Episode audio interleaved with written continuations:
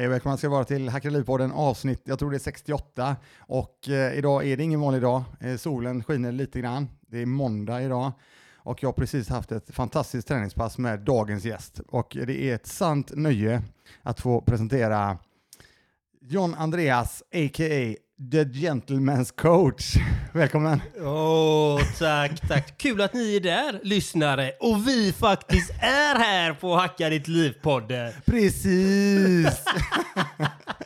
Fan vad nice. Det är så jävla gött att vara med dig här. Ja, Jag älskar att vara här också faktiskt. Ja, det är grymt. Du, vad fan, eh, vi, ehm, vi, jag har ju fått äran att vara med i eh, din och din kollegas podd. Mm, Och eh, det var ju, det var ju ett tag sedan. mm. Lev ditt drömliv. Precis, precis. Och, och det, som är, det som är så jävla fräckt då, vi har ju varit inne på detta tidigare, men vi talar ganska mycket om sociala medier, där du har en väldigt eh, stark presence, eh, tycker jag själv. Mm. Och du har ju hittat din grej och din nisch. Och, ehm, och det var ju så jag hittade dig, kan man säga. Ja. Och jag, jag berättar, jag får nästan dra den, för att jag, Eh, jag tror jag drog det i din, er podd också. Eh, det var så att min svåger skickade ett eh, klipp, och eh, ungefär som att, eh, du vet, vem är den här, eller tagga din kompis som är likt det här, eller vad det nu var, du vet, någon sån grej. Och så var det ju du då i ett klipp där du, eh, helt, enligt mig själv då, helt skogstokig tidigt på morgonen står inne på gymmet och slår på en säck och skriker. Jag tänkte, vad fan är det här? Och skrattade och, och hela den biten. Jag tänkte inte mer på det. Det var en rolig grej, ett roligt klipp. Eh, från Fris- Friskis och Svettis var det, vet jag. Det Mm. kommer jag ihåg. Och, eh, och det var inte mer med det. Men sen tänkte jag, fan, kolla upp det. Och såg, såg jag dig mer och mer på sociala medier, alltså Instagram. Och tänkte, "Vad fan alltså. Och sen såg jag, jag kommer ihåg, för då såg jag dig börja träna lite. Ja, jag såg att du tränade kampsport, du tränade kung fu, det visste jag sen Mm. innan och kollade lite grann. Jag gjorde min research lite grann. Vi Bra. pratade precis om detta innan. Ehm, och sen så såg jag att du faktiskt eh, körde lite grann på Fit for Fight gym va? Japp. Eh, och då såg jag att du hade börjat lite grann med, med markkampen. Och Ja. jag är ju väldigt så, älskar ju markkamp. Och tänkte fan det är en kul grej, vi kanske ska hitta på någonting. Fan jag, jag älskar ju att röra mig och det verkar ju du också göra. Mm. Så det var ju så jag kontaktade dig, Exakt. eller hur? Ja, och det var det jag tyckte var så fint. Var, du kom faktiskt med något som jag är intresserad av och vill lära mig utav. Och att du kan. Du har expertisen inom det. Tänkte jag, när någon kommer faktiskt och faktiskt erbjuder något vackert och fint. Ja, men då kan inte jag säga nej. Om jag inte har något annat viktigt åtagande så att säga. Men i det här fallet så kändes det så himla rätt. Och bara absolut. Och du ligger, ni ligger ju ganska nära Friskis och Svettis i Frölunda som jag eh, 57 procent av gångerna tränar på ungefär. Ja. Men, men vi är tillbaka till det, det du säger där. Jag tycker det är, så, det är intressant för att där var det flera saker som faktiskt låg i den positiva korgen, eller vad kallar du vad du vill, eh, när du väl gjorde den här. Ja, fan, är det här en person jag skulle kunna tänka mig att träffa? Ja, För vi snackade ju om det lite grann. jajamän. Och jag tittar ju också på, jag är ju inte, jag, jag tittar ju på vad, vad, vem är, vem är han här nu? Hacka ditt liv-snubben, om man ska säga så. Ja, ja. Vad, vad är det han lägger ut på sitt Instagram? Mm. Och då tittar jag direkt, okej, bra. Han har, för mig är det ju viktigt med värderingar, mindset och vad, vad du har att tillföra i, generellt i samhället. Mm. Att, det, att det överensstämmer med vad jag sänder ut. Mm. Så att hade du på något sätt inte haft den fina Instagrammen du har, Hacka ditt liv, då hade jag inte ens tackat ja. Även om det var en sån fin grej. Men hade du haft eh, motstridande saker i ditt Instagram till exempel, Mm. som går emot vem du är, liksom, om man säger så här, som inte är sunda och hälsosamma, då hade jag tackat nej. Mm. Nej, men, och, och det är ju det jag tycker det är viktigt, för jag har varit inne på det här ganska mycket i, i podden på olika, med olika gäster, med, med, med olika avsnitt och så vidare.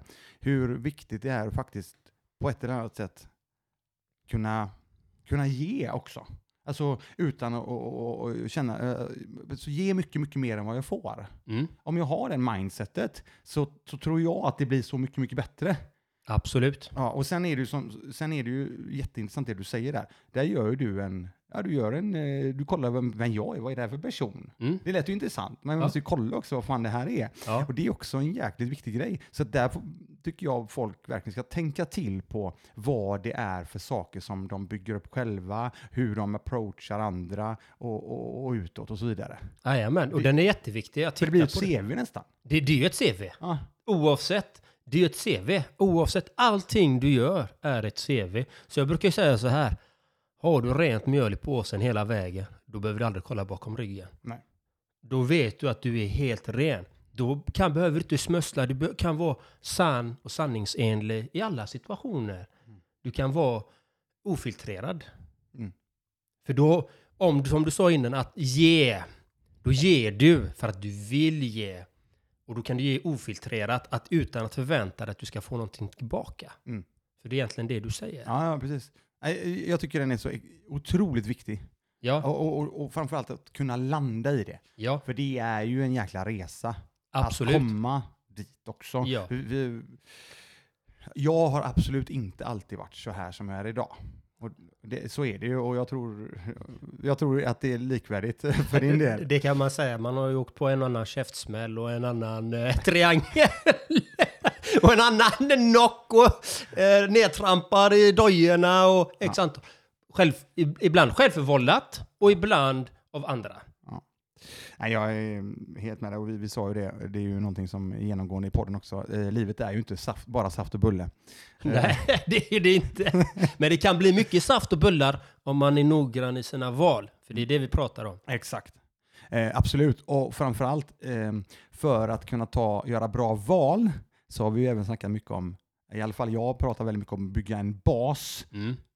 Och en bas för mig då är en form av trygghet. Mm. Och när du då hittar och landar i någon form av trygghet, då tror jag det är väldigt, väldigt mycket enklare också att vara mer ofiltrerad kanske och hi- kanske hitta sig själv eh, ännu mer. Ja, och och det, det är ju så här faktiskt, vi, vi alla har ju olika typer av medvetande som jag ser på det liksom att, och vi har ju olika baser, vi har ju flera olika baser, vi har ju den ekonomiska basen, vi har relationsbasen, vi har din personliga bas, alltså din hälsa, fysiska hälsa, din mentala hälsa och som jag ser det, ditt spirituella jag, ditt autentiska jag.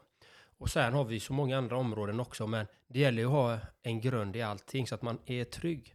Men allt börjar inom en själv. Återigen, att du är trygg. För jag har ju många, många olika människor som jag har som klienter. Liksom. Det var sådana som är ekonomiskt fria, men de är tomma och inombords. De mår inte riktigt bra. Sen har vi den som är fast i ett något typ av missbruk också. Och sen har vi den här gemene man som, är, som lever slentriant. Som, som känner ibland att de måste gå till jobbet. De lever för helgen. Så jag har ju alla typer. Mm. Men det som, är det som är, visar alla de här människorna det är att de inte har basen inom sig.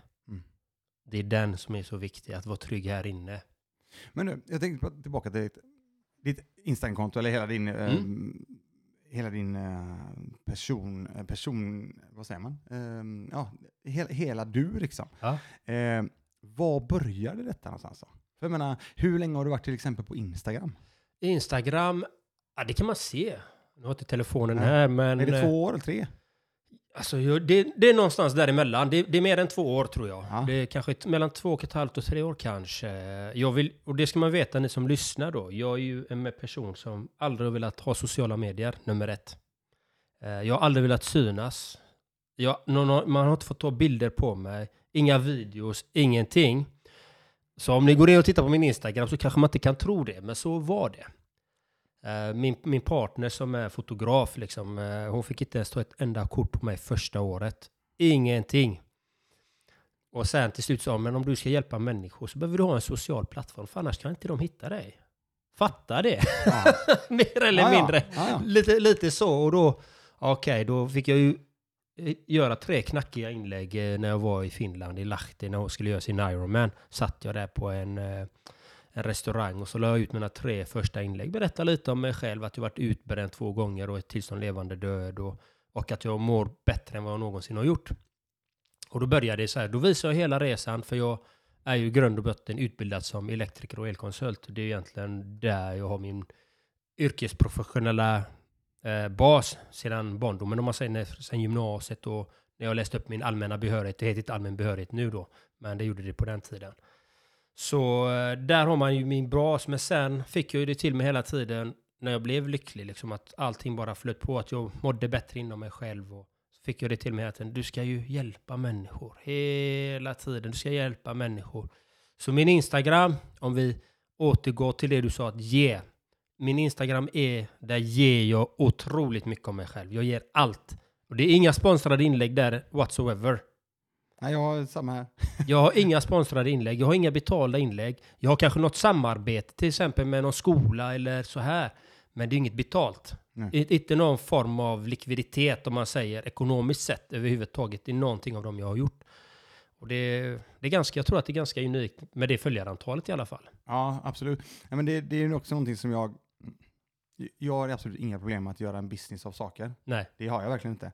Eh, Men, men min, när jag skapade mitt konto så var det enda saken som jag hade i min hjärna då, det var att om det är en enda person som kan ta med sig en enda grej, en enda liten grej av det som har funkat för mig, eller kanske inte funkat för mig, om de kan ta till sig om en sån liten sak så är det en stor win. Framförallt är det för mig för att jag har fått ge någonting, men jag tror också att det kan vara en win för de personerna som kan ta till sig av en enda sak. Mm. Och det var egentligen det enda premissen till mig att jag drog igång mitt Instagramkonto.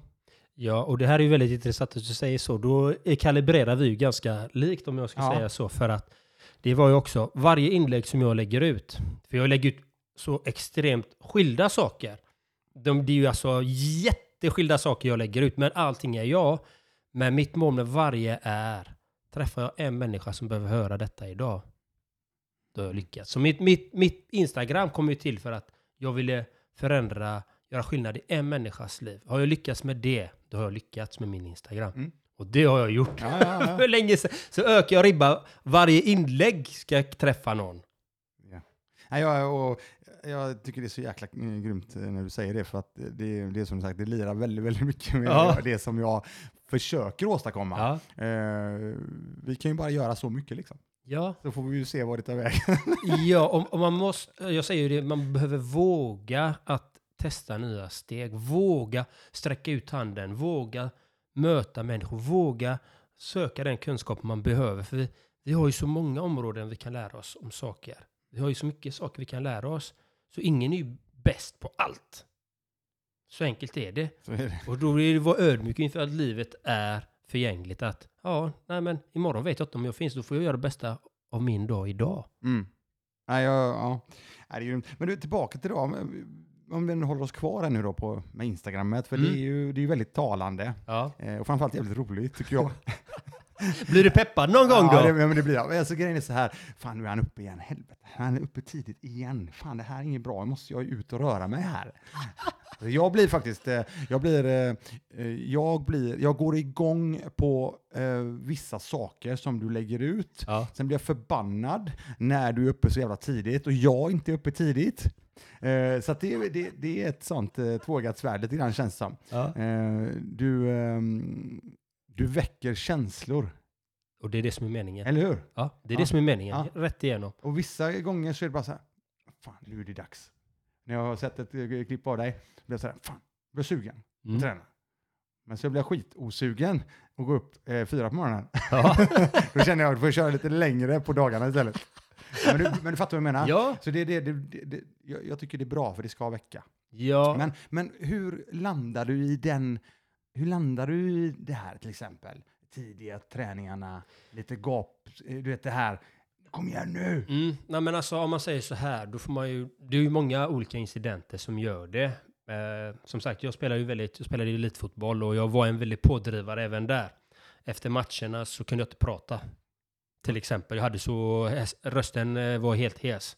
För då spelar jag oftast mittback och när du spelar mittback då springer du inte lika mycket som en mittfältare. Då kan du eh, mana på dina eh, medspelare. Sätt press. Jag har gjort en eh, match då, har jag gjort en sån låt också. Så där, där hör man lite grann hur, hur jag pushar på liksom. Ah, okej. Så, men där har vi den delen. Men det är ju mitt syfte återigen. Vad är det jag är här till för att göra? Jag är här för att sprida ett visst budskap. Och det gör jag genom hela min Instagram.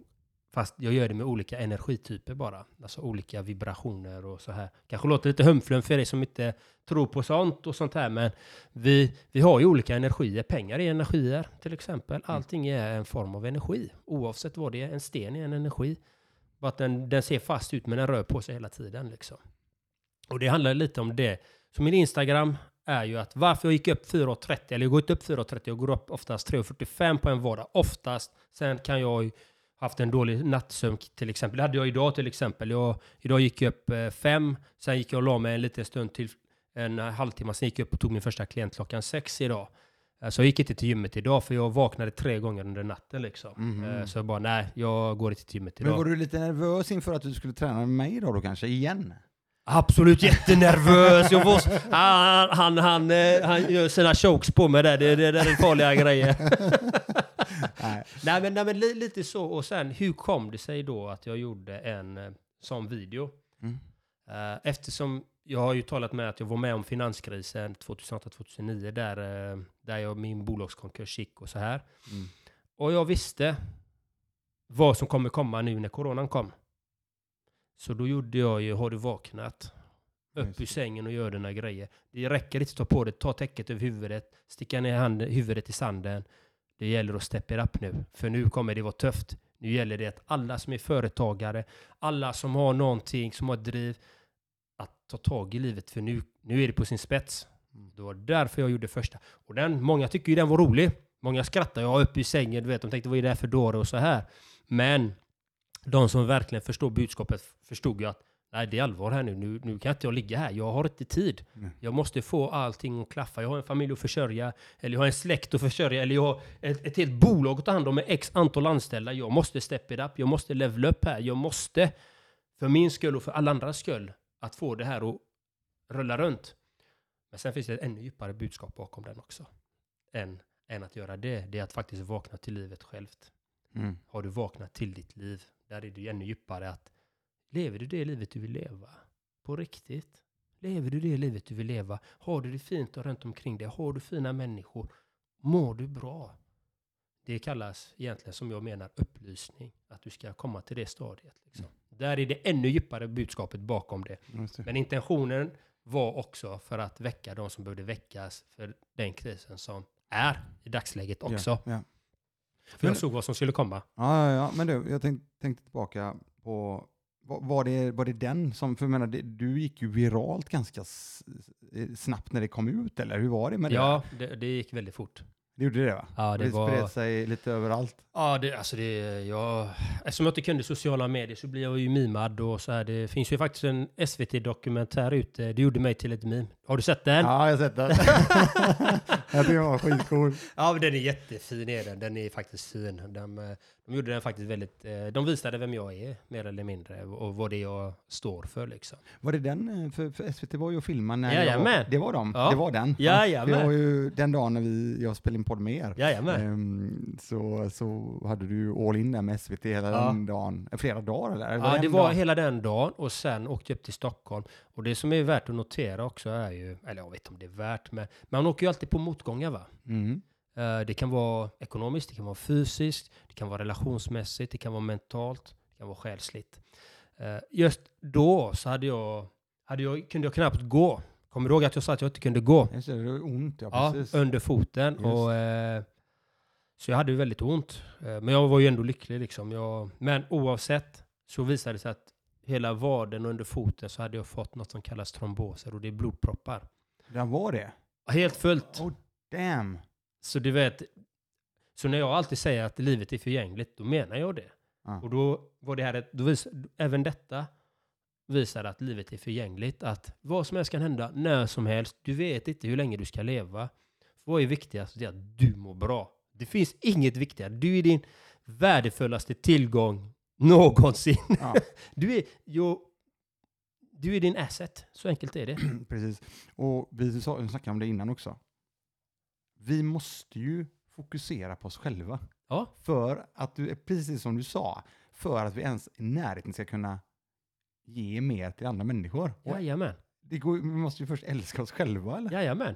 Och tar du inte hand om dig själv, då kommer det, kommer det sippra ut någon annanstans. Det kan vara i dina relationer, ditt bolag, din, din egna hälsa, mentala, fysiska, själsliga hälsa. Det, det sipprar ut någonstans som du får ett ogynnsamt resultat. Mm. Och det är det här som jag oftast coachar mina klienter. Det var, vilket område är det nu som, som läcker? Vilket är det som läcker i dina relationer? Jaha, det är din självkänsla nu som du behöver bygga upp. Ditt autentiska, okej, bra. Fokuserar vi där och sen bygger vi på andra målområden. Hela tiden. Så att återigen, grunden, basen, det ligger hos en själv. Må- Många kan ju vara väldigt duktiga på att tjäna pengar, eller vara väldigt duktiga på träning, men de fallerar på allt annat. Eller Mm. väldigt duktiga på relationer. För du snackar ju väldigt mycket om personlig utveckling här. Bara personlig Ja, utveckling. och när började, när började du ta tag i detta själv? Mm. Det, alltså när jag på allvar började ta tag i det, det var 2008. Men innan dess hade jag läst lite böcker och så här liksom. The Secret och eh, Munken som sålde sin Ferrari etc. etc. Lite tidigare då.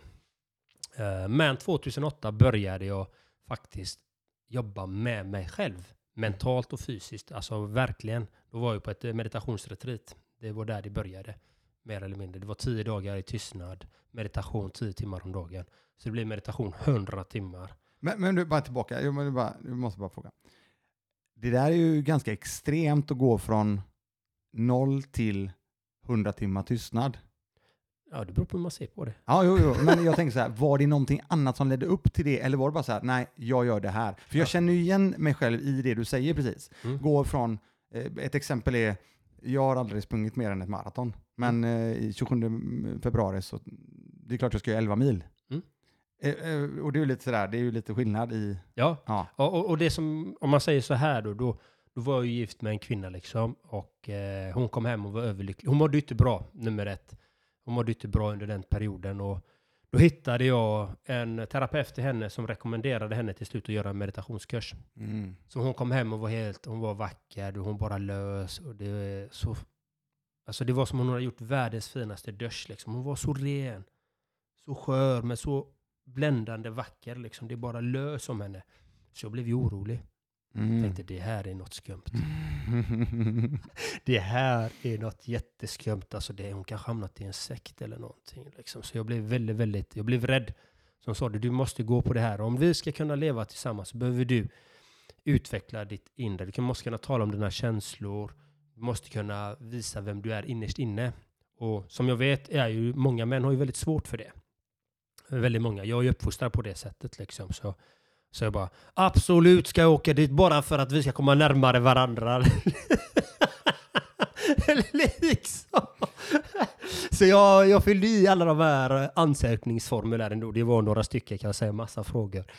Och han och kommer dit liksom och, och då, för att inte vara dömande, jag var väldigt dömande på den tiden liksom. Där stod det många med sådana här speciella kläder, rastaflätor.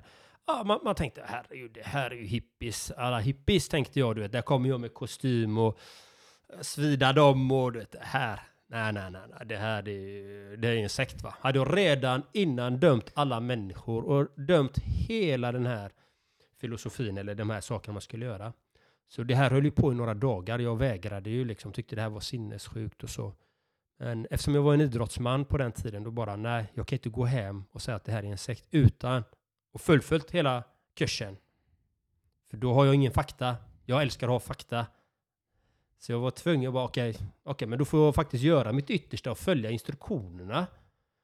Efter tredje dagen började jag följa instruktionerna riktigt liksom. Och eh, efter det så fick jag så många fördelar. Efter det. Det kom inte direkt så här.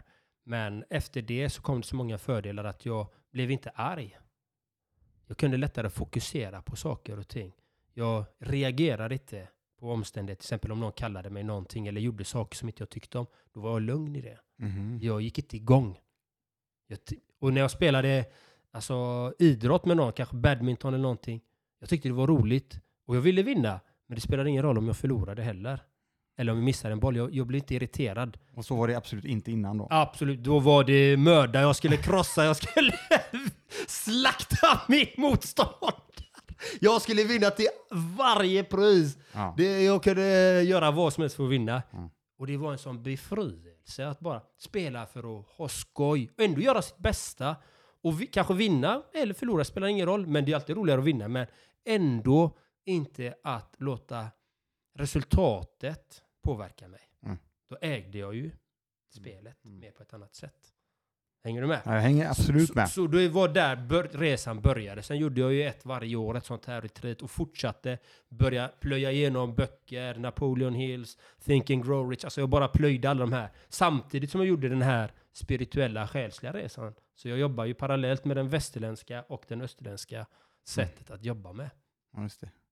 Och sen när, eh, hur långt fram i tiden sen, när du känner att, för du, all, vi är ju alltid på resa, Jajamän. det är vi ju hela tiden. Jajamän. Men när började du känna att fan, det som jag har varit med om här nu, det hade ju varit fantastiskt att kunna dela med mig av detta. Alltså Mm. för att hjälpa andra människor. Mm. När, hur, när började du, började du till exempel ta klienter och så Ja, vidare? ja, det- det här är ju några år sedan då. Det, jag började ta mina klienter innan jag ens var utbildad. Ja. Alltså, eh, då kom det fram, det kanske var fyra år sedan, började jag ta mina klienter, min första klient. Och det var faktiskt en vän till mig. På den tiden jobbade jag som elkonsult liksom och hade så himla bra, alltså jag hade så vackert liv liksom. Även då, spelade ingen roll vad jag gjorde, det var roligt Mm. och fantastiskt. Men han kom till mig, han var ju nere i, i så kallat mörkret, i skiten, i destruktivt levande, eh, tog droger, gjorde kriminalitet. Han hade jobbigt helt enkelt, så han kom till mig och sa du, kan inte du coacha mig? Du gör ju någonting som är fantastiskt. Du mår ju fantastiskt bra, du, är, du lyser om det, du är lycklig, du är, du bara, du bara är liksom. Jag bara, tack, ja men jag gör någonting här. Så jag hade ju ingen aning, så jag gjorde ju, började coacha honom. Uh, och sen tog det ungefär nio månader. Och under den resan så bytte jag ju arbetsplats. Eller uppdrag ska jag säga. Och då jobbade jag väldigt mycket på knäna. Då fick jag, då fick jag göra någonting annat. Då fick jag arbeta på knäna väldigt mycket. Då gick jag ner och låg golvvärme och lister och sånt här. Jag fick så ont i knäna så jag knappt kunde gå. Och jag kommer ihåg min partner, nuvarande partner, sa men gå till jobbet, sjukskriv dig. Aldrig. Mm. Det här smärtan säger mig någonting. Och jag höll på så i x antal månader. Och eh, till slut kom det, jag ska bli coach. Mm. Eftersom jag redan hade börjat coacha. Jajamän. Och då sökte jag upp alla coachutbildningar, eller sökte upp jättemycket och då hittade jag en i USA. Och så började jag den. Och där igen började allting och Mm. där fick jag min life purpose coach. Hon hade, livs, hon hade livscoach, life coach och life purpose coach. Men jag började livscoachen. Men sa hon att hon hade life purpose coach. Då sa jag, jag hoppar av livscoachen och blir life purpose coach. För purpose är det viktigaste vi har. Varför vi är här. Mm. Vad är det vi ska förmedla? Så jag hoppade av den andra och började den andra. Och det är jag tacksam för än idag. Ja. Det är ju det du säger med varför. Ja, Det är ju så extremt viktigt att ha med sig. Du måste ju, måste ju landa det. ja. Och vad förankrar du ditt varför? Var förankrar man det någonstans? hur tänker du? Jag tänker så här, förankras det, för, för jag har lärt mig, eller sagt, när det känns rätt här inne, alltså Mm. när du förankrar Mm. varföret i hjärtat liksom, Mm. det är då det sitter. Ja. Istället för att bara ha det i, någon annanstans, i Ja. huvudet eller vad det må vara. Ja, men om det är så här, och det här är ju intressant för eh, alla, alla har ju ett, sitt varför. Och det, vissa har det på hjärtat, vissa har det faktiskt i, i, i bröstet, vissa har det i hjärnan, vissa har det kanske någon helt annanstans, eller i magen. Det är individuellt, du har det i hjärtat, Mm. det har jag med. Så det är, det är ga- ganska bra att vi kalibrerar Ja. på det sättet vi har. Och mitt varför ligger hos mig. Det hade jag ju innan, innan jag hittade mitt purpose. Jag var ju lycklig, jag hade fantastiskt fint liv. Men när jag fick mitt purpose eh, statement, alltså när jag fick mitt egna citat i den här kursen som jag gick, den här utbildningen, då blev allt glasklart. Mm. Det blev så mycket enklare, så mycket enklare att veta hur jag skulle leverera ut mitt budskap. Paketera det. Det är det som att bygga ett hus. Du paketerar huset, du vet exakt. Du paketerar, du vet exakt vad du levererar med ditt purpose i alla områden. Mm. Inte bara i, i en viss del i, i, eh, livet, som till exempel bara i finanser eller bara i bolagsbyggande eller bara i relationer eller bara i hobbys eller bara i träning, utan i allt. Du, jag vill ta tillbaka det bara när du nämnde din eh, första klient där, eller Mm. faktiskt en, en vän då, Ja. som hade en utmaningar, Mm. som, som man brukar säga. Mm. Ehm, och när han berättade för dig att du var duktig på det här och det här och det här, så sa du tack. Mm. Det gillar jag jättemycket. Just att lära sig att faktiskt tacka och ta emot komplimanger. För komplimanger kommer ju, Ja. det, de kanske inte alltid kommer, Nej. men när de väl kommer så är det jäkligt viktigt, tror jag, att ta till sig av det. Ja. Och, och, och verkligen känna in den. Eh, Det är ju faktiskt någon som ger någonting till Yes. dig. Eh, Och vi, vi snackade om det också på podden eh, när jag var med er. Mm. Och det, det landar vi ganska likt du och jag också, att det där är en otroligt viktig del. Det är jätteviktigt att vara tacksam. Eh, och min, min personliga tacksamhet ligger i att jag lever. Mm. Där är min tacksamhet. Den, och sen när jag verkligen blev, alltså när jag blev lycklig om man säger så, då eh, när jag hittade lyckan första gången inom mig, liksom, det, det var, vad var det, 2013, 2014. Då kom två vänner till mig.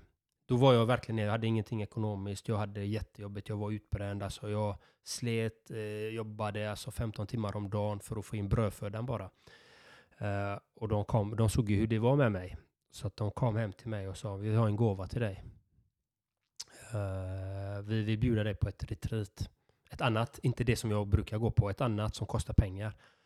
Eh, vi betalar för allting, precis allting. Men vi vill, du behöver detta och du, du ska ha det. Men det är ditt val liksom. Och jag hade väldigt svårt att ta emot. Mm. Det är det som många har, de har väldigt svårt att ta emot. Jag hade det svårt att ta emot. Jag kan gärna ge, kunde gärna ge, men inte, inte ta emot. Mm. Den här stoltheten, den här konstiga stoltheten som jag ska säga. Men jag tog emot den här gåvan och de här, för att korta av det, de här två vännerna, de hade pratat lite nedlåtande om mig på första retreatet jag pratade om 2008. Okej.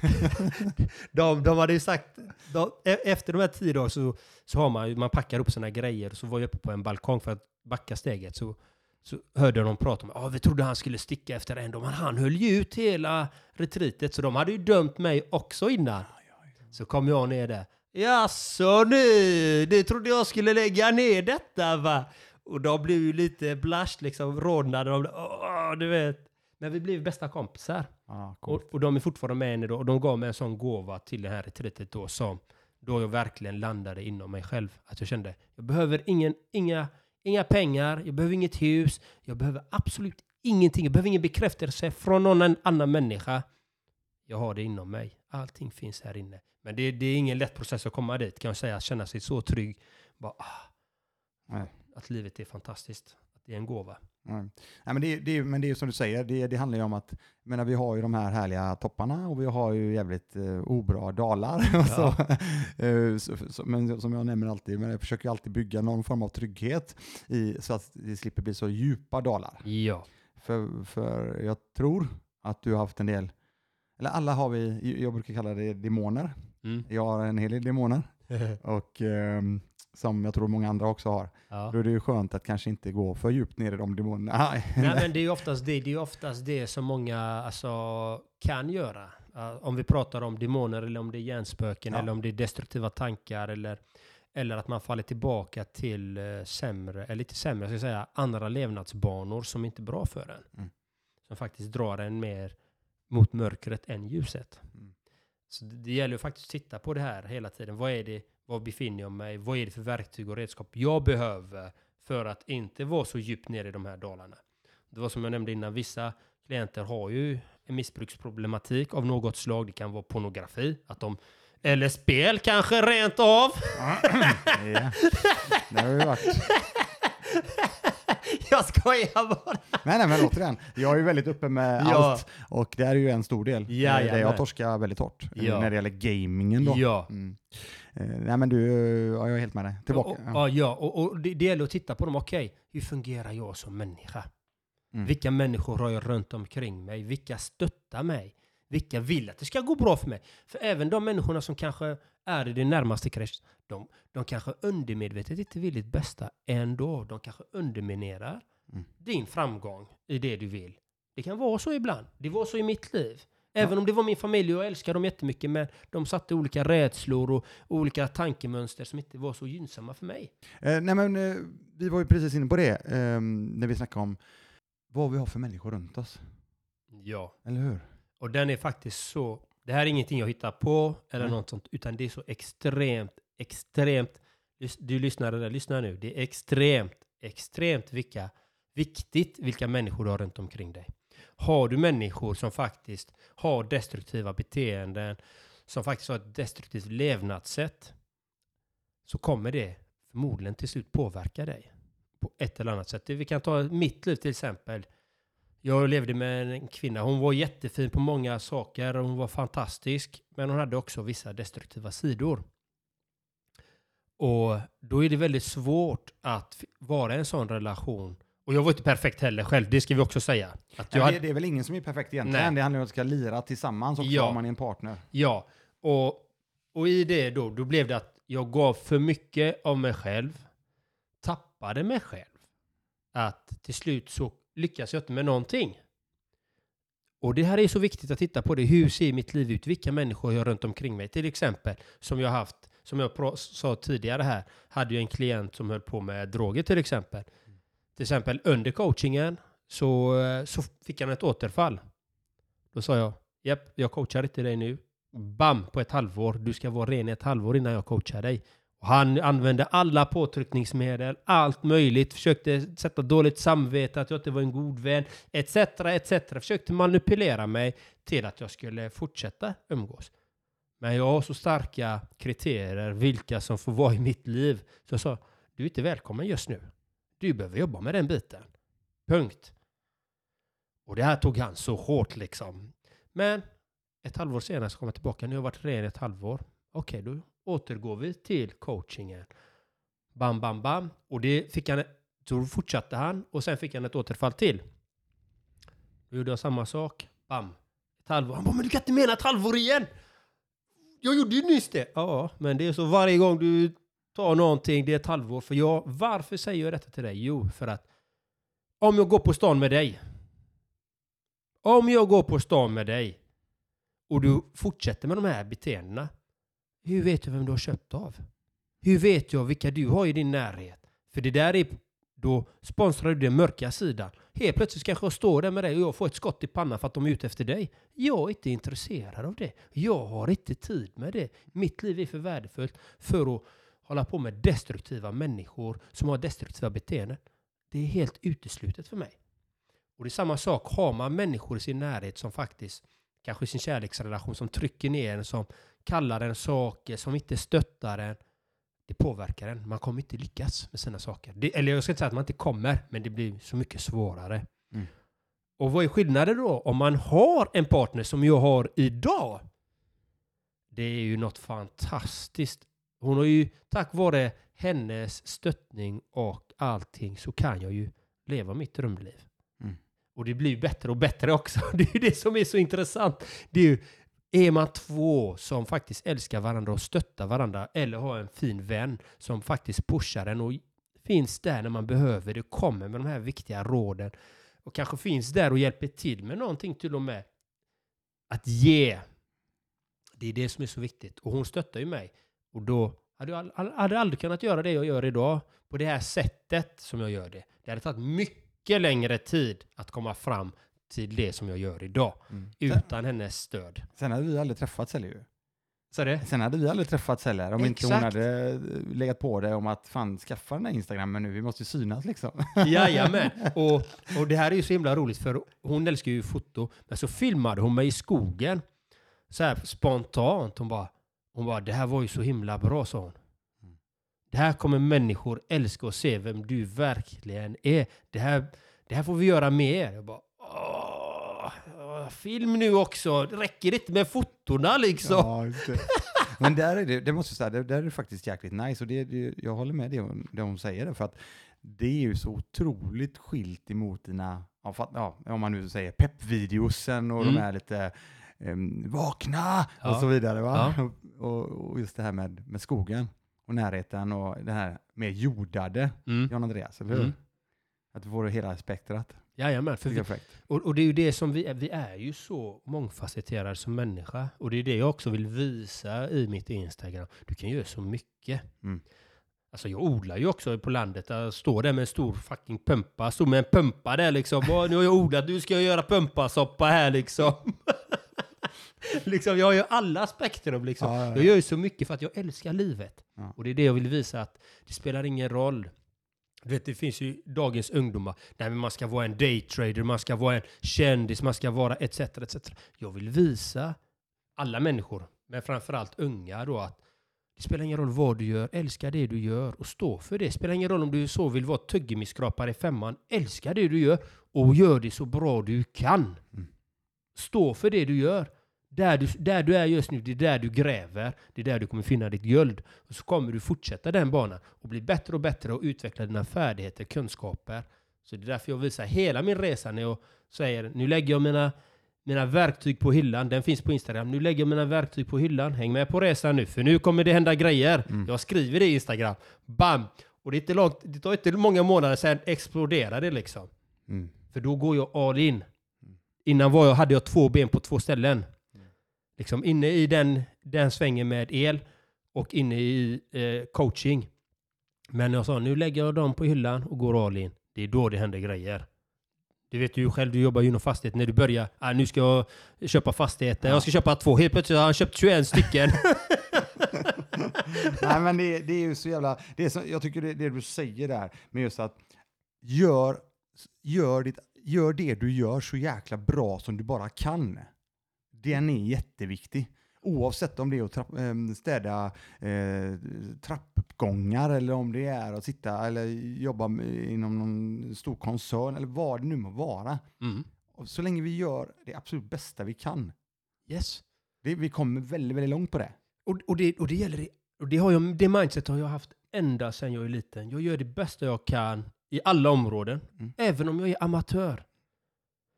Ja, men, det, men, men det måste jag säga så här, det, må- om vi drar, drar parallellt till det vi gjorde innan podden idag, vi tränar. Mm.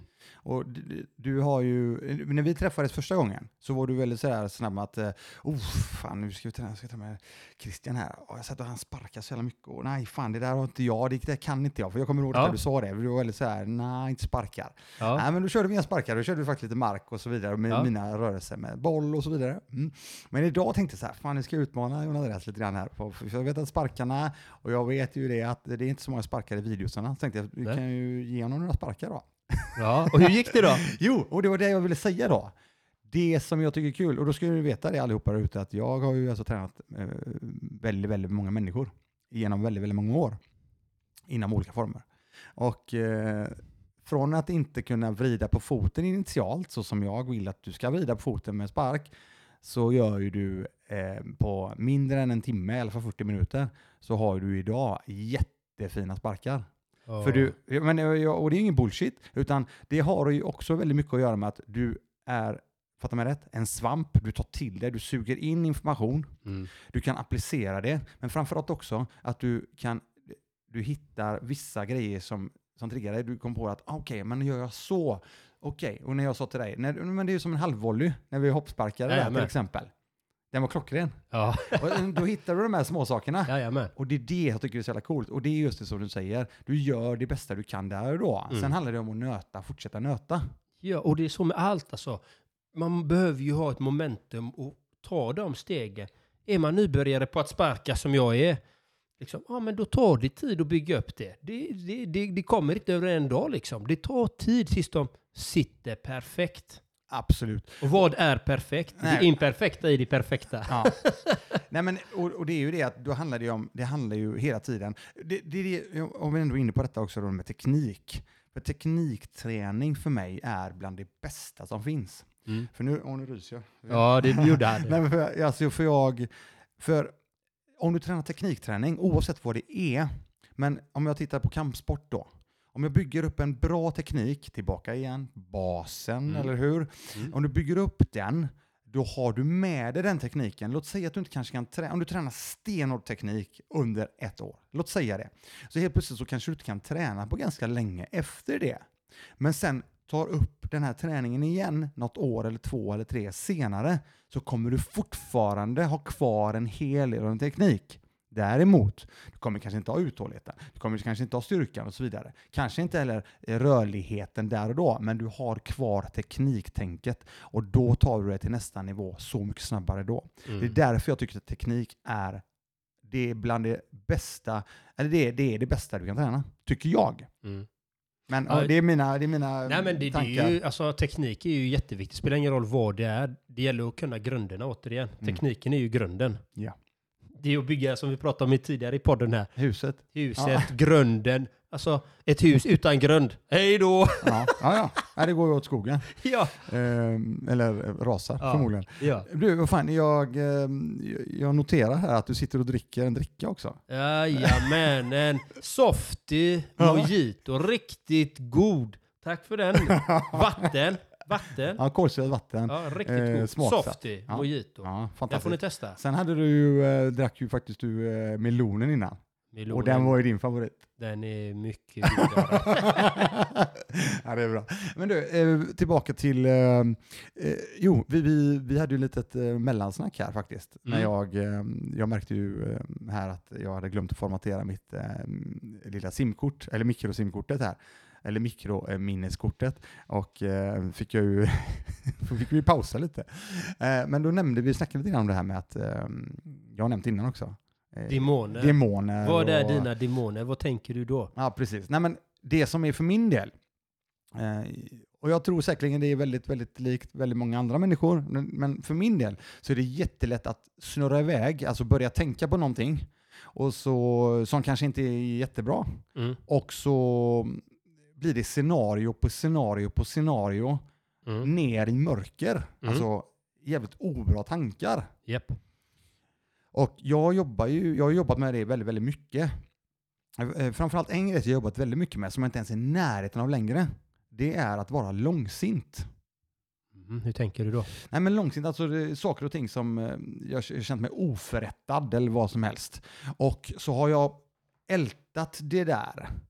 Det kanske inte, och, det, och det kanske inte ens har någonting med personen i fråga att göra. Den personen, eller eh, den personen kanske inte har någon aning om någonting av detta. Men min hjärna har fortsatt älta de här sakerna. Så, så var jag mycket förr. Eh, för, för må- många år sedan. Mm. Det sitter fortfarande kvar lite grann. Det Mm. gör det. Mm. Däremot så jag jobb, jobbar jag hela tiden med detta. Att snabbt då få bort den där ehm, eh, känslan. Mm. Eh, Och det, det är någonting jag bestämmer mig själv över. Blir du arg när du kommer upp de här tankarna eller vad, vad blir du? Hur känner du? Nej men jag känner, jag, jag blir ju... ehm, numera så kan jag stoppa den tanken. Att jag känner bara, "Ah, men vad fan.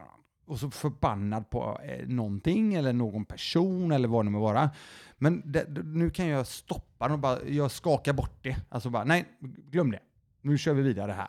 Och så kan jag styra av det Mm. mycket, mycket mer Mm. än vad jag någonsin annan har kunnat göra. Mm. Förr var det bara saker som har hänt, du vet. Då skriver jag in det i boken liksom. I the black book ungefär. Ungefär så bara för att verkligen, verkligen Ja. förklara. Då bara, nej den personen eller den, nej, aldrig. Ja, då vet jag den. mm. Och eh, Ja, och det, det, finns, det finns fortfarande kvar lite grann, men jag snackar jävligt mycket om förtroendekonto här på podden Mm. för att bygga upp ett förtroende.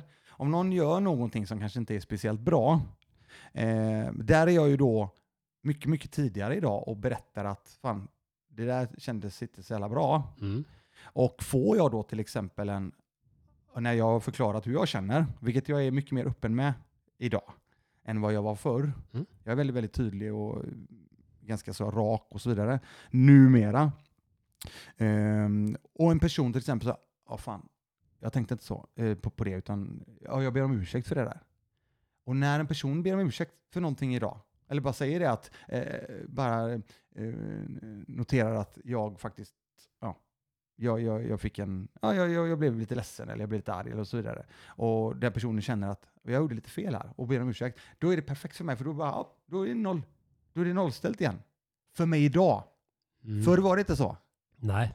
Så att det är mina, ja, det är en del av demonerna som Mm. vi kan snacka om. Det kan ju Mm. vara massa andra grejer, men om man nu ser till just den långsintighetsgrejen. Mm. Ja, den har jag själv haft. Du har haft den? Absolut, den var brutal. Ja. Den var riktigt brutal kan man säga.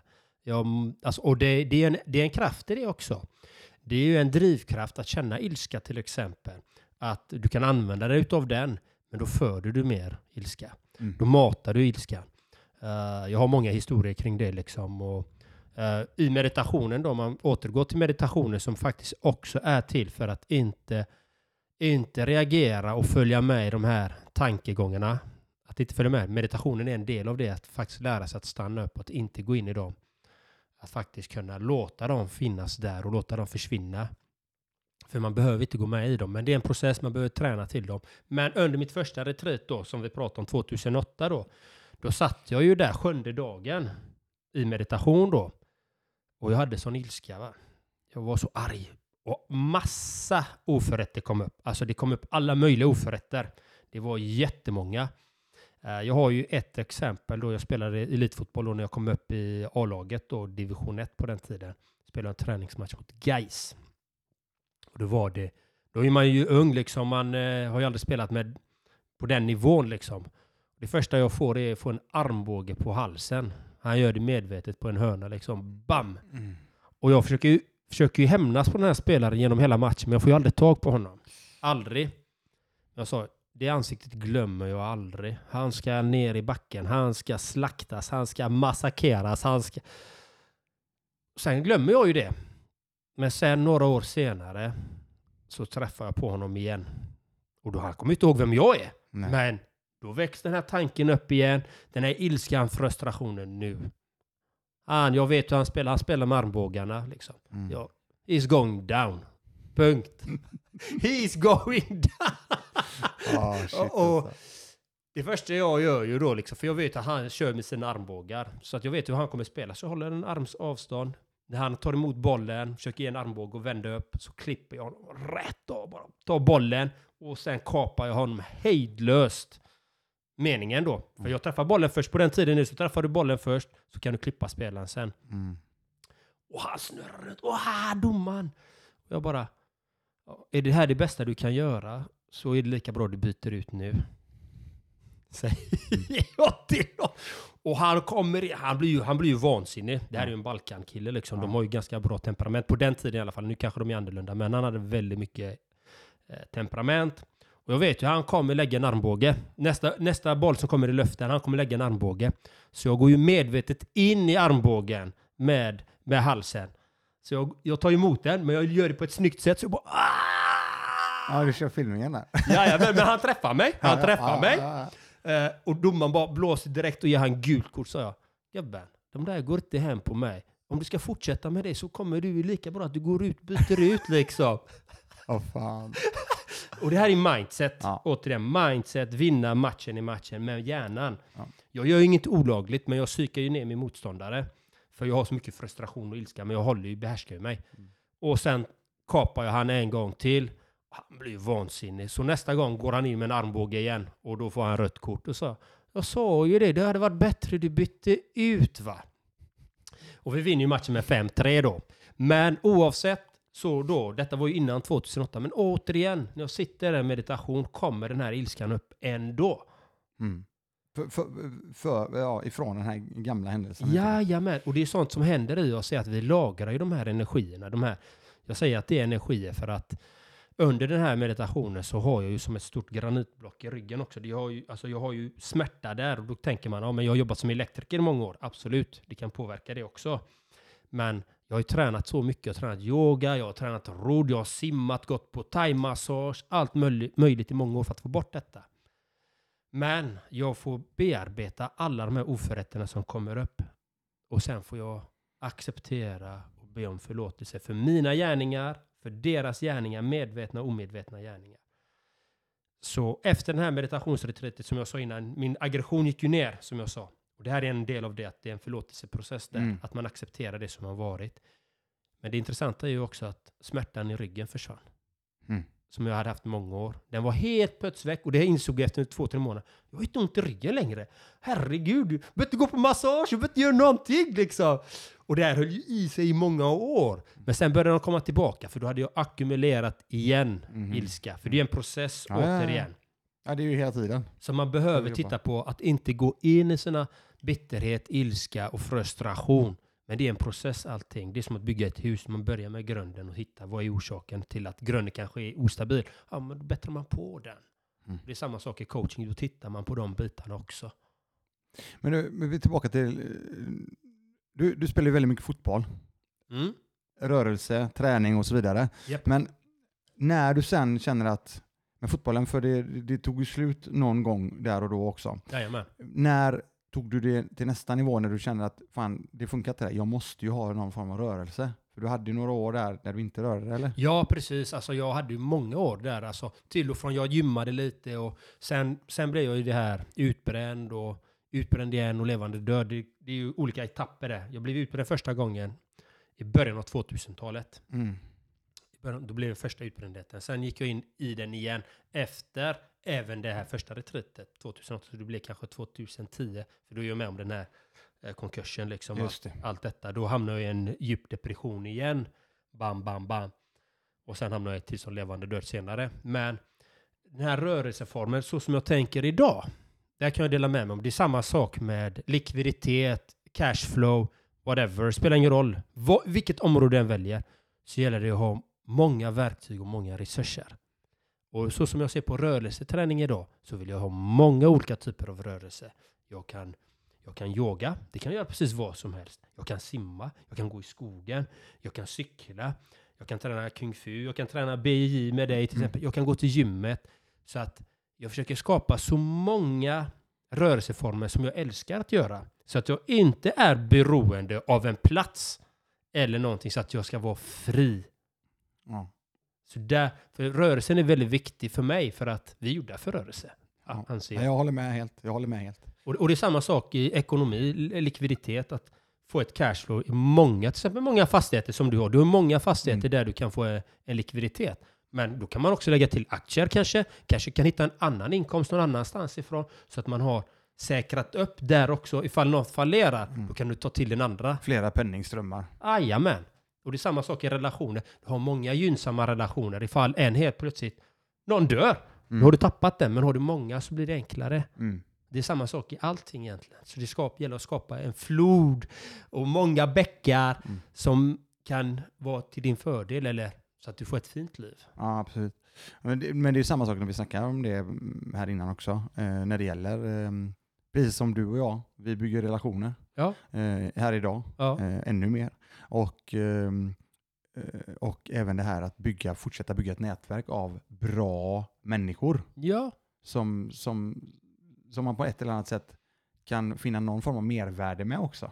Jag, Ja, jag na- snackar väldigt mycket om mervärde, alltså, ehm, så att det inte bara är en sak, utan det kan vara flera saker. Ja, och jag tittar ju också på det att alltså, om jag ska vara med något. Sen, som jag är som sagt, jag är ju väldigt selektiv som jag sa till dig innan Ja, ja. podden här, att jag är extremt selektiv med vilka jag för in i mitt liv liksom. Jag tittar upp, okej det, det här står Hacka ditt liv monsieur för liksom. Mm. Det här är vad han står för, vad, vad ska vi göra? Vad, är- hur, vad är det han har för budskap? Nej, jag ser det att du sänder ut värde hela tiden. Och kan man, kan man ha flera gemensamma nämnare så blir det mycket roligare. Så är det. Alltså det blir mycket roligare. Vi kan, du och jag kan prata fastighet, vi kan prata rörelseträning, vi kan prata kärleksliv, vi kan prata hobbys, vi kan prata vatten. Mm, absolut. Men du, jag tänkte tillbaka till det med, du nämnde kärleksliv här nu. Ja. Eh, och då tänker jag så här, ehm, hur länge har du varit tillsammans med din, eh, din eh, tjej nu? Eh, Den, eh, Mm. Fem som- år. Fem år. Ja. Och du, du, det var, var bra att du tog mig tillbaka där, för att det är ju så, återigen, vi är tillbaka till det här, eh, vad det är för människor vi har i våra liv. Eh, men framförallt då, för inte, och nu är det kanske inte alla som har en partner, men förhoppningsvis så kommer eh, folk ha en partner någon gång i sitt liv. Mm. Då är det ju otroligt viktigt att ha en rätt partner. En partner som på ett eller annat sätt kompletterar dig Mm. själv på Mm. ett bra sätt. Ehm, jag- kan bara tala från mig själv och min fru eh, Malin. Eh, Vi har varit ihop i över 27 år nu. Mm. Eh, Och det är ju... Hon, jag älskar ju inte bara Malin, utan jag älskar, alltså, hon är ju även min bästa vän. Och vi har ju, vi har ju inte... Vi har ju eh, inte växt ihop på något sätt. Däremot har vi ju växt upp tillsammans. Yes, och den här är så viktig att äh, man, man säger ju- man hör ju den här oftast liksom, ja, vi två, då blir vi ett. Ja, jag ser att vi är två ett. Mm. Du ska vara en helt egen individ och din partner ska vara en helt egen individ. Och tillsammans så blommar ni ännu mer. Mm. Det luktar ännu godare, det blir ännu finare, det blir ännu vackrare. Mm. Och då ska vi tänka på att jag hade en tidigare relation i 17 år. Ja, just det, den nämnde jag. Mm, och den, den var ju inte alls, den var ju blommande i början, för allting är jättefint i början. Det är wow, testosteronet är på högsta nivå. allting är, är fantastiskt liksom. Men sen, provet är ju alltid när man eh, lever tillsammans. Och där är det ju väldigt viktigt, eftersom jag är livssyftecoach liksom. Och, och jag gjorde ju den här processen innan jag träffade, jag var med henne, men så gjorde jag den här processen. När jag levde med henne gick jag den här coachingutbildningen. Men då hade vi inte blivit ett officiellt par om man säger så att vi...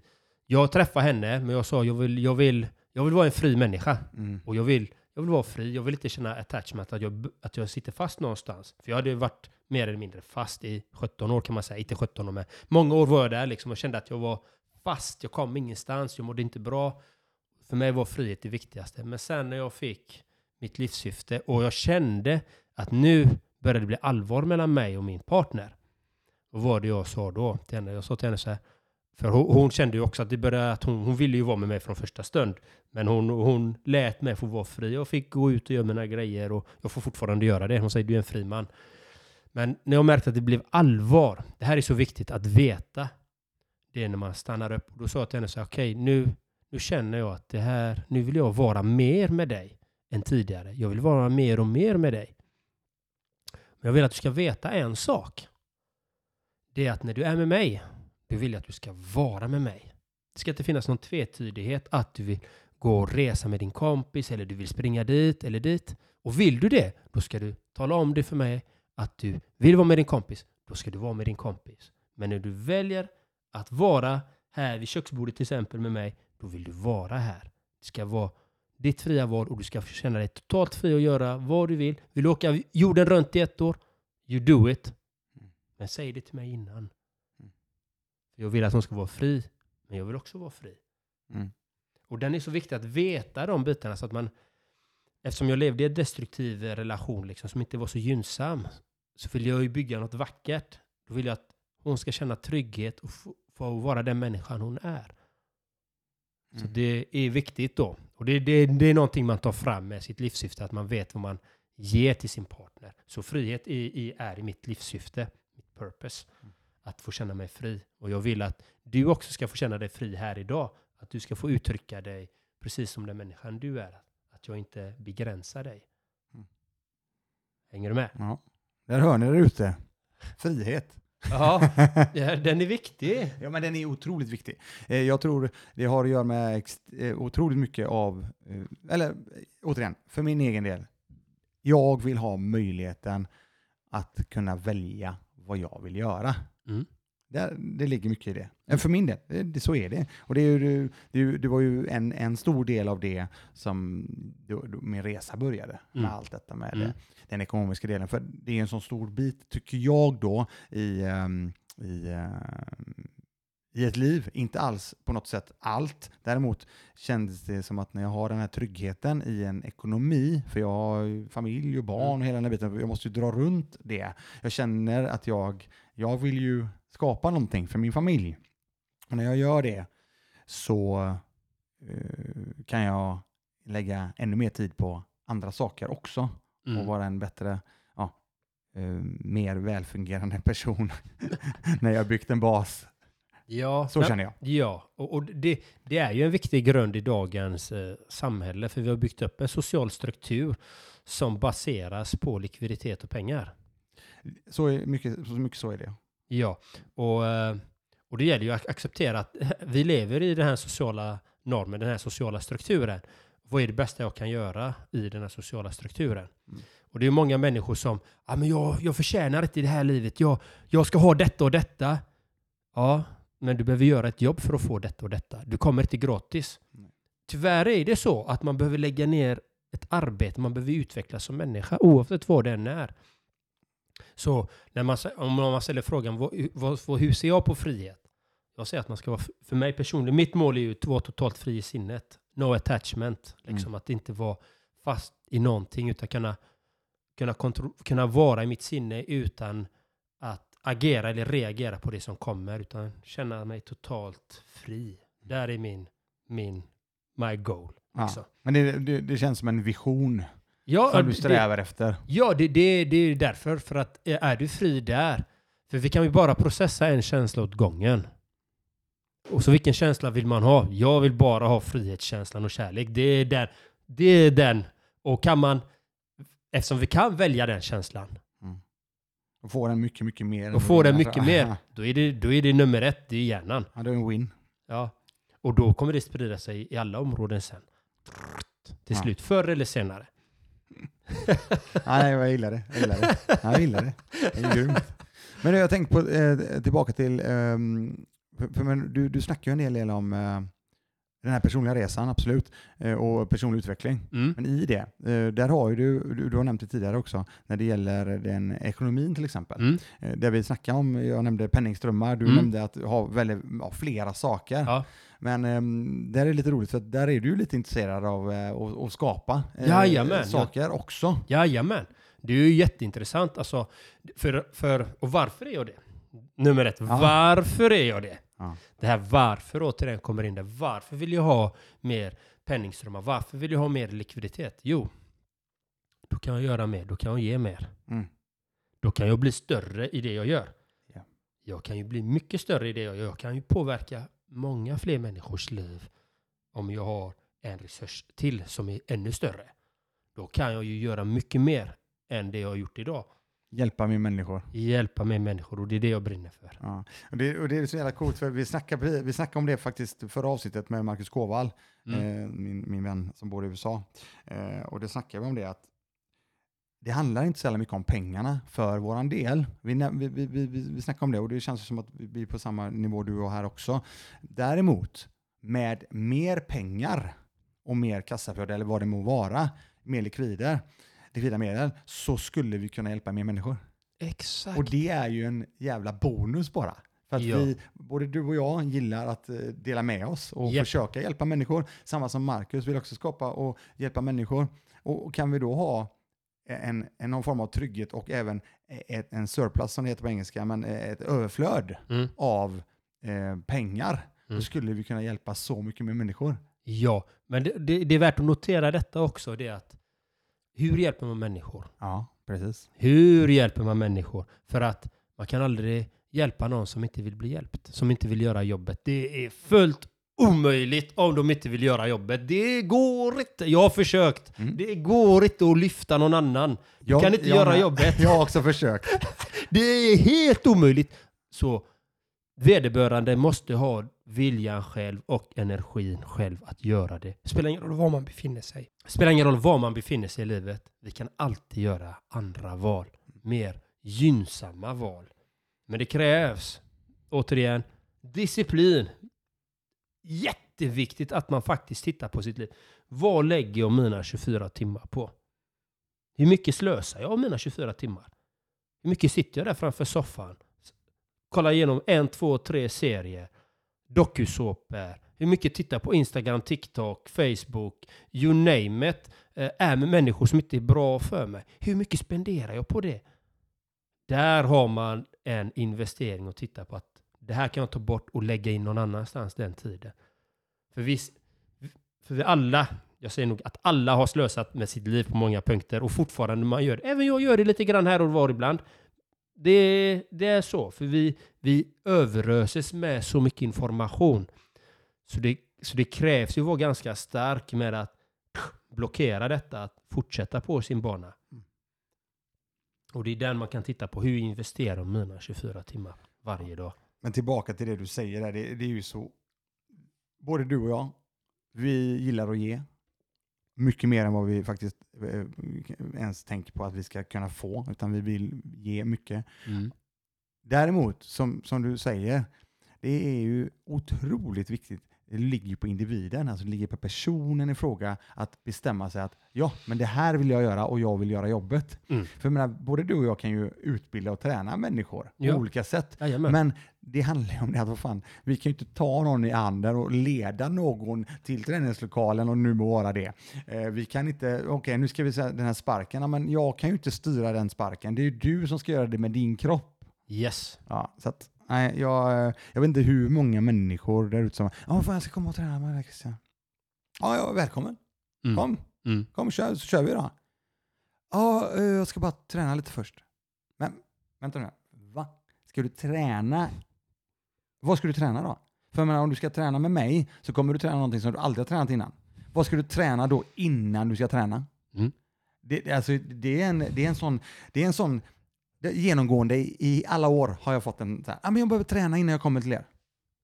Men what the fuck? Vad snackar du om? Du träna? Ja, nej, men jag har så dålig kondition.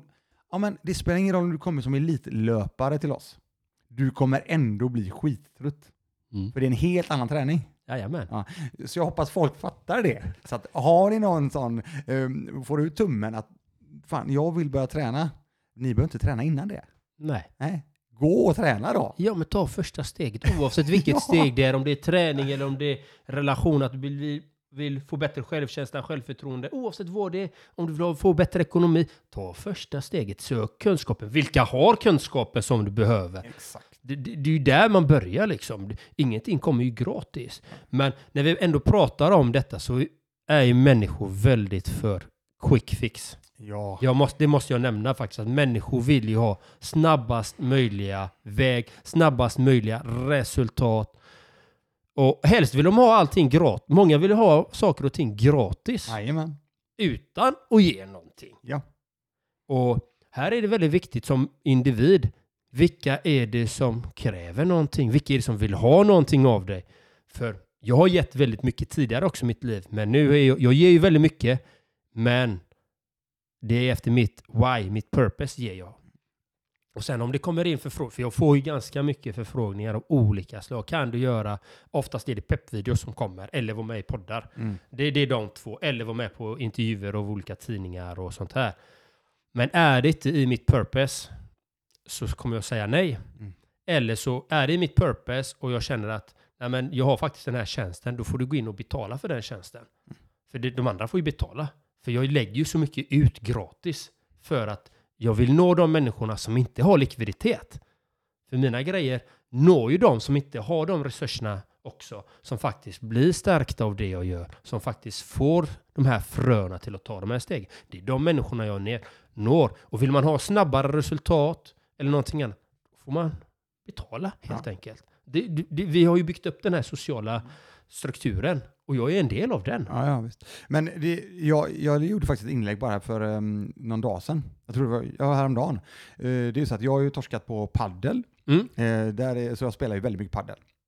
Men jag vet ju eh, hur jag fungerar och jag vill ju att inte, jag, jag vill ehm, träna rätt teknik. Mm. Och om jag bara tittar till, till exempel YouTube så blir det inte kanske rätt teknik. Utan då går jag hellre till en person som jag har byggt ett förtroende för. Som jag ser, den här personen är ju duktig på det han eller hon gör. Mm. Och eh, inte bara det, personen eh, är duktig pedagogiskt, Mm. lirar med mig. Mm. Så att, vad fan, det är klart fan jag betalar pengar till den personen som ger av sin tid till mig Mm. för att jag ska ta mig till nästa nivå snabbare. Yes, och det, det är den liksom. Och det är den många har svårt för att förstå. Ja. Att de vill ha quick fix och de vill ha det gratis helst. Ja. Men ingenting är gratis. Numret, det är någon som investerar tid. Och tid är liv. Ja. Och jag värderar mitt liv extremt högt. Det tyckte jag du sa jävligt fint. Tid är liv. Tid är inte pengar, tid Nej. är liv. Ja, Den var faktiskt jävligt bra. ja för tid är bra. liv. Och vi har, vi har inte hur mycket liv kvar som helst. Nej. Nej, tid är liv. Den, var, den ska jag ta med mig. Är det tid, så? För tid är pengar, är ju, du vet, den, är ju, den är slängs hit och dit. Ja. Men tid är liv har jag Mm. inte hört själv innan. Och Nej, den- men det är den- jag själv som säger det. Ja, det är grym. Ja, nej, men det är, det är så jag ser på livet. Ja. Att min tid, jag har inte tid att slösa med min, mitt liv Mm. på saker som inte lirar, som du säger, Mm. med mitt syfte. Och lirar det med mitt syfte, men jag behöver ha in likviditet där. Som, vi säger mina peppvideos, för de är extrema eh, när jag gör någon specifik. För de kräver mycket av mig. Det är inte bara stå och skrika vid en säck, utan det, det, det är en ganska Ja, kraftansträngning. du ger jävligt mycket. Ja, och det... Jag gör, de som jag gör gratis för mig själv, de gör jag ju till, till de som behöver höra det där ute. Men vill man att man har en privat, ja, det kostar. Eller vill man ha det till bolaget, till sina anställda medarbetare, det kostar. Ja, ja. Jag är den enda i Sverige som gör det, nummer ett. jag kanske är den enda i världen som gör det på det sättet. ja. Så det, det är givetvis att det kostar liksom, för att jag lägger först ner tid på att just göra manuset nummer ett Mm. skriva ett manus till den här personen som den ska nå. Det är specifikt inpassat till just den människan. Att den ska känna sig peppad, stöttad eller känna sig motiverad till att ta sina steg som den ska kunna titta på om och om och om och om igen om den vill. Jag har ju sådana som tittat över 80 gånger på sina videos liksom. För att komma ur vissa beteenden. Mm. Och då lägger jag in många, många saker i de här videorna som, som man inte ser på min Instagram. Liksom. Jag har gjort sådana här videos till sådana som ligger i sin sjukhussäng, liksom, som kämpar för sitt liv. Mm. Har jag fått göra sådana här peppvideos. Och efter jag har gjort en sån peppvideos, jag har huvudvärk efteråt. Mm. Så mycket energi går det åt att göra dem. När, jag, är- när det är på liv och död. Mm. När, det, när det är en födelsedagshälsning, ja det går åt mycket energi men det är inte närheten av en på liv och död. För då måste det handla om liv och död. Då går jag in som att det är mitt liv jag snackar om. Mm. Alltså förstår du lite? Så, Ja, ja, så det, det är någonting man behöver ta betalt för. Men människor har ju svårt för att förstå det. De bara, "Ja, det här var dyrt, 1500 kronor för en video. Ja, jag lägger ner två timmar plus att jag kanske är helt slut efteråt. Men grejen är så här, om man nu ser till det så det är bara att titta på vad en PT-lektion kostar till exempel. Ja! Eh, visst, eh, PT-lektionen i eh, Spanien på paddel är halva priset, eller lite mer än halva priset emot svenska marknaden. Men det är ju så det är liksom. Ja. Det är ju, vad fan, vad ska man säga? Jag tror, jag kör ju, jag kör ju väldigt, väldigt lite PT. Ja. För exakt tillbaka till det vi sa, jag har selekterat Mm. ut de människorna som jag känner att ah, men det här känns bra. Jag kan jobba med de här människorna för Mm. det känns bra. Mm. Okej? För där befinner jag mig. Och jag har gjort det under flera år. Och jag har ju samma pris som jag hade för sex eller sju år sedan. Jag har inte ens höjt. Mm. Och det, det handlar om att det handlar inte om det, det handlar om att jag har blivit jag väldigt, väldigt, väldigt god vän med de här människorna. Yes. Och jag känner bara att ja, men jag har inga... Det ger mig mer idag att träna med de människorna. Och så jag behöver inte tänka på det där. Nej. Och, och, och det är ingen fara liksom. Jag menar, men du får ju räkna med en PT-lektion på en tusenlapp. Liksom. Nej, men, och det här Och det är ju... en här, timma bara. Ja. och, och då ska man ju titta på det här också att många värdesätter saker i pengar. Ja. Eh, vi, vi kan ju ta ett exempel liksom. Eh, om jag skulle till exempel ge och det här, har, det, här har jag, det här har jag experimenterat med även i min coaching. Du vet vissa som vill ge ett coachingpaket till sin anställda eller till sin, till sin vän. Och jag har experimenterat. Jag brukar ju vara väldigt selektiv med det här. Men när någon har fått det som gåva och inte brinner för det, Mm. då rinner det lätt ut i sanden. Spelar ingen roll hur mycket jag är på, hur mycket jag vill. Men är inte den motiverad och vill detta så kommer den inte göra det. Men oftast en som betalar för det, Ja. den är motiverad att göra en förändring i sitt liv. Där är skillnaden. Och, det, och, det, och det är så bra där för att säga det, för att där har du det där vad jag kallar skin in the game, kallas det i, i business. Alltså när vi till exempel snackar fastigheter, Mm. Eh, ja, du kan eh, resa hur mycket kapital som helst för att köpa någonting. Men har du inte ditt egna, di- dina, egna, ja, dina egna pengar som du har svettats för och lagt in i den här verksamheten också så kan det vara så att du inte jobbar lika, lika hårt för att bygga någonting. Mm. Så skin in the game är som du säger, det är exakt det. Mm. När du väl har committat och, och betalat för någonting, Yes. då är det ofta så att du jobbar, eller i alla fall försöker göra någonting mycket, mycket bättre. Jajamän, och, och det, det, det, jag har experimenterat med det för att jag, jag har velat se skillnader. Så jag, jag har ju godkänt faktiskt ibland att bolag betalar för sin anställde. Eller, eller att en vän betalar. Men ibland har de faktiskt ändå fullföljt och gjort bra resultat. Men vissa har ju hackat, du vet, de har inte varit committade, de har inte velat ändå riktigt. Men de har ju känt att de måste. Men det blir inte samma sak. Nej. Det måste komma inifrån att man vill. Man behöver peja själv. Men göra en förändring. Ja. Ja, och sen jobba vidare med Ja, och, och det är det.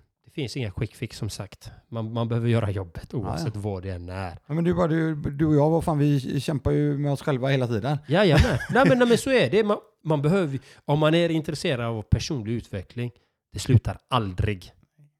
Man kan hela tiden optimera. Så jag brukar ju säga, jag brukar inte säga utmaning utan säga optimeringsområden. Ja, Det- det, det är bra. Jag tänkte på det, du, du, har näm- du nämnde lite grann om eh, böcker. Jag tänkte Ja. att vi kan, har du några, så, låt säga topp tre självhjälpsböcker eller vad det man jag, säger? jag, jag kan ju säga att Think and Grow Rich är ju min, eh, en av mina eh, favvos faktiskt. Ja, det är det. Ja, men den, den, den är ju bra. Alltså den, den, den går ju igenom allting. Mm. Alltså den går igenom allting. Av Napoleon Hill. Ja, den går igenom allting egentligen. Eh, men sen är det ju bra, finns det ju andra också. As a man thinket. Den är väldigt, väldigt, väldigt, väldigt, väldigt, väldigt tunn. Mm. Men den är också väldigt bra. Eh, de två tycker jag är bra. Jag har, jag har många. Mm. Eh, men Think and Grow Rich har jag läst om några x antal gånger. Och As a man thinketh har jag läst om. Och nu läser jag faktiskt en, en roman faktiskt. Mm. En, om samurajer. Ja, samurajer är grymt. Så att eh, den håller jag på med nu. Fick jag av en klient att den här tycker han, skulle, han tyckte jag skulle läsa den. Och jag har suttit i två dagar bara läst, läst, läst. Alltså hur mycket som helst. Ja, bra. Vad heter den då? Ah, vad hette den nu? Vi kan ta det efteråt annars. Ja, jag har, ju, jag har den inte. Mushi tror jag den hette, eller något sånt där. Men eh, den, den är väldigt, väldigt bra. Ja, jag, jag har kommit till hälften och den är riktigt tjock. Fan, det känns Och- som att jag har läst den här. För jag har ju torskat eh, på, jag torskar ju ibland på en hel del olika saker. Men jag börjar ju med, när det begav sig med Shogun. Den Mm. boken, Shogun, den var ju även en film, eller en serie med Richard Chamberlain Mm. eh, för övrigt. Eh, som var fantastisk. Men eh, den börjar jag med. Sen har jag läst en hel del olika samurajböcker. Så jag kan tänka mig att jag kanske har varit på Ja, den. och den här handlar ju om en man som heter Takesso. Och han byter namn sen till eh, Mushi när han eh, ändrar sitt liv. För det känner jag. Jag Och- igen och- det. Och, och eh, det handlar om honom. Han vill bli världens bästa samuraj. Gubbe. Mm. Så han utmanar ju massa. Han går in i en battle med hundra stycken eller vad det är. Han slaktar. Men han är så himla stark. Men han är ändå inte lugn på insidan. Nej. Det är där han behöver jobba med. Med sitt mentala, sitt sinnestillstånd. Att inte ha det här som jag pratar om, att man ska vara fri i sinnet. Det är som Bruce Lee säger, du ska vara som vatten. Och det är det, du ska, som du också säger, du ska vara mjuk på fötterna nu. Ja. Eh, Du ska vara mjuk, du ska vara liksom rörlig, mjuk och fin. Ja. Du ska vara som vatten. Ja. Och, och det, det är ju lite det han eftersträvar i detta. Så det, det händer ju många intriger. Och där ser man ju alla människor som har sina habegär, eh, hämnden som vi pratar om, bitterheten, som, som fastnar i de här destruktiva beteenden. Som försöker bli kända på andras namn, försöker backstabba allting. Och han kämpar den här då liksom. Och, Mm. och så har han eh, några kvinnor som är efter honom och någon pojke och så här. Så ja, den är jätte, jätteintressant. Eh, kände igen mig väldigt mycket själv i mitt egna liv liksom. Och sen har jag min favoritroman är ju David Copperfield av Charles Dickens. Mm. Och sen har vi Siddhartha av Hermann Hesse. Om man gillar romaner och sånt. Ja, just det. En fråga där då. Vad gör du? ja, Låt säga att du inte mediterar ute i skogen och går eller någonting. Mm. Men, men låt säga och inte bara läser, nu, nu hörde jag ju att du faktiskt läser lite romaner också, så det var ju, tyckte jag var rätt eh, gött, för att eh, jag har ju också läst extremt många, eller extremt, nej, Nej. nu ska jag inte överdriva. Jag har läst många böcker Mm. eh, och numera är det ljudböcker för mig, Mm. sedan många år tillbaka. Eh, sen är det så att det kan bli lite för mycket av eh, den delen när det gäller eh, självhjälpsböcker och det är investeringsböcker och hela den biten. Då går jag, en röd tråd som har funnits med mig sedan jag var 21, det är fantasyböcker. Mm. Ja, så där har jag ju då, och det är ett sätt för mig att bara försvinna iväg. Mm. Det blir lite meditativt för mig faktiskt. Mm. Där jag kan drömma mig bort och där det är ja, fantasi. Ja, och du, du följer ju inte med. Du har inte jobbet med dig heller, utan du är inne i den världen. Liksom. Du Precis. läser- och du känner dig avslappnad och lugn. Du, och det är precis det som har hänt mig nu då. Igår satt jag och läste hela dagen. Mm. Alltså hela dagen. Jag satt bara i en soffa och bara satt och läste. Det var ingen rörelseträning. ing- Jag hade en hel dag softa liksom. Åt lite gott och bara läste och läste och läste och läste och läste. Och så kom hoppa upp en hund här, klappade den och, och så fortsatte jag bara läsa, läsa. Alltså det, jag behövde det. Det Ja. Behövde att sitta i den. Och den gav mig faktiskt insikter om mitt egna liv också. Mm.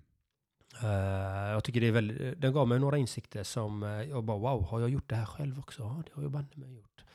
så så att, ja, men det är jätteintressant för man kan lära sig mycket i en roman också. Mm. Och det är därför jag säger, varför jag rekommenderar Charles Dickens, David Copperfield och Hermann Hesse. De två böckerna visar mitt liv Okej. i, i nutid då. Oh, de, här, de här gamla böckerna. Men de, det är de, de här båda böckerna utspelar sig och det är de, det är de här huvudkaraktärerna är med om. Det är John Andreas liv i Mm. nutid kan man säga. Intressant. Ja. Så läs de böckerna så vet ni lite mer vem jag är. fan vad nice. Men nu, fan Jonas, vi, kan, vi skulle kunna sitta här till eh, imorgon också va? Men jag, jag tänkte vi, vi, vi kan väl avrunda här för dagen. Mm. Och eh, om inte annat så ska vi ju träna mer ihop. Absolut. Det här är ju... eh, Det här var bara början. Ja, ja, ja, lätt. Nej, men vi gör så att vi, vi avrundar här och tackar så hemskt mycket för idag och hälsar er hjärtligt välkomna tillbaka nästa eh, vecka. Så ha det så gött nu, eh, John Andreas. Och har du gött alla lyssnare, glöm inte att ni är unika, magnifika, fantastiska! Glöm aldrig det! Hej då!